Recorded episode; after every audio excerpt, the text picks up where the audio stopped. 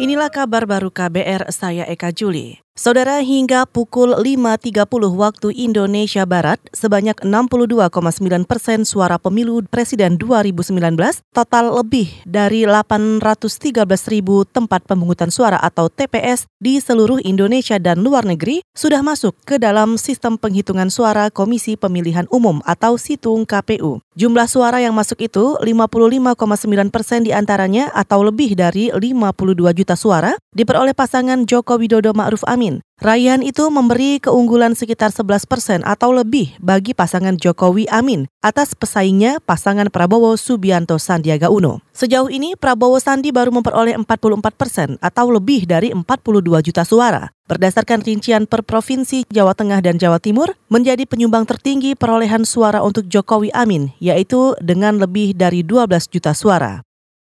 Saudara Komisi Pemilihan Umum atau KPU menyatakan semua partai politik dan pasangan calon presiden serta wakil presiden sudah menyerahkan laporan penerimaan dan pengeluaran dana kampanye. Sebelumnya, KPU menetapkan 2 Mei kemarin sebagai batas akhir pelaporan Kepala Biro Hukum KPU, Sigit Joyowardono, yang menjelaskan laporan yang masuk akan langsung diteliti oleh kantor akuntan publik dalam waktu 30 hari. Sudah seluruhnya menyampaikan uh, laporan penerimaan dan pengeluaran dana kampanye yang uh, sesungguhnya sudah mulai mulai tanggal 27 yang lalu.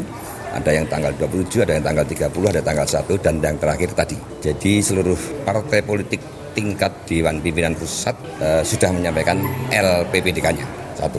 Kemudian yang kedua dari dua tim pasangan calon presiden dan wakil presiden tadi e, beriringan juga telah menyampaikan LPPDK-nya. Kepala Biro Hukum KPU Sigit Joyo Wardono menambahkan laporan penerimaan dan pengeluaran dana kampanye yang sudah diserahkan ke KPU tidak bisa diperbaiki lagi. Nantinya hasil audit kantor akuntan publik akan dilaporkan dan diumumkan ke seluruh peserta pemilu.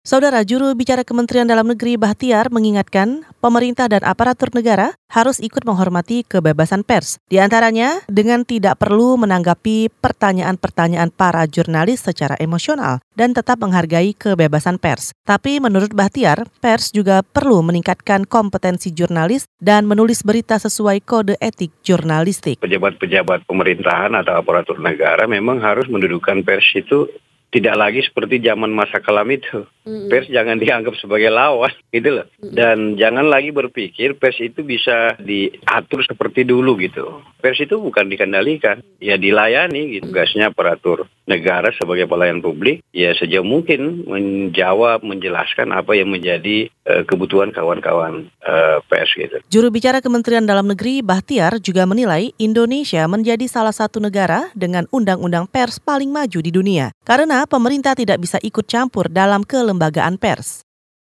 Saudara puluhan tahanan di Mapolres Lampung Selatan terpaksa dipindahkan ke lembaga pemasyarakatan akibat terbakarnya kantor Mapolres kemarin. Juru bicara Polres Lampung Selatan, Dahlan mengatakan semua ruangan Mapolres habis terbakar, hanya tersisa ruang jaga yang lokasinya ada di depan. Diketahui nih, iya, tahu api ini sudah besar karena angin kencang, langsung bumbung aja gitu ke seluruh ini, ke seluruh atap ruangan itu kan kantor kita kan manjang ya.